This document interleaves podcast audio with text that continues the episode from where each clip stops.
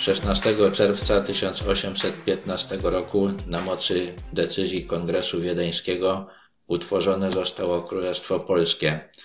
Było to formalnie niepodległe państwo obejmujące większość ziem dawnego Księstwa Warszawskiego, posiadające własne wojsko, sejm, system prawny, system oświatowy, walutę i skarb, połączone jednak z Rosją unią personalną. Car Rosji był jednocześnie królem polskim.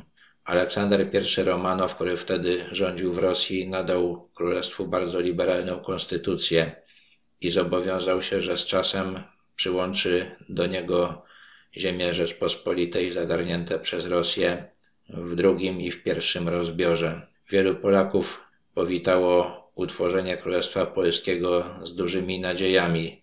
Te nadzieje jednak stopniowo gasły w miarę jak okazywało się, że władcy Rosji nie zamierzają dotrzymać swoich zobowiązań i coraz bardziej ograniczają odrębność królestwa. Doprowadziło to najpierw do wybuchu powstania listopadowego, po którym zlikwidowano Sejm i wojsko Królestwa Polskiego i zniesiono jego konstytucję, a następnie do powstania styczniowego, po którym zlikwidowano autonomię administracyjną.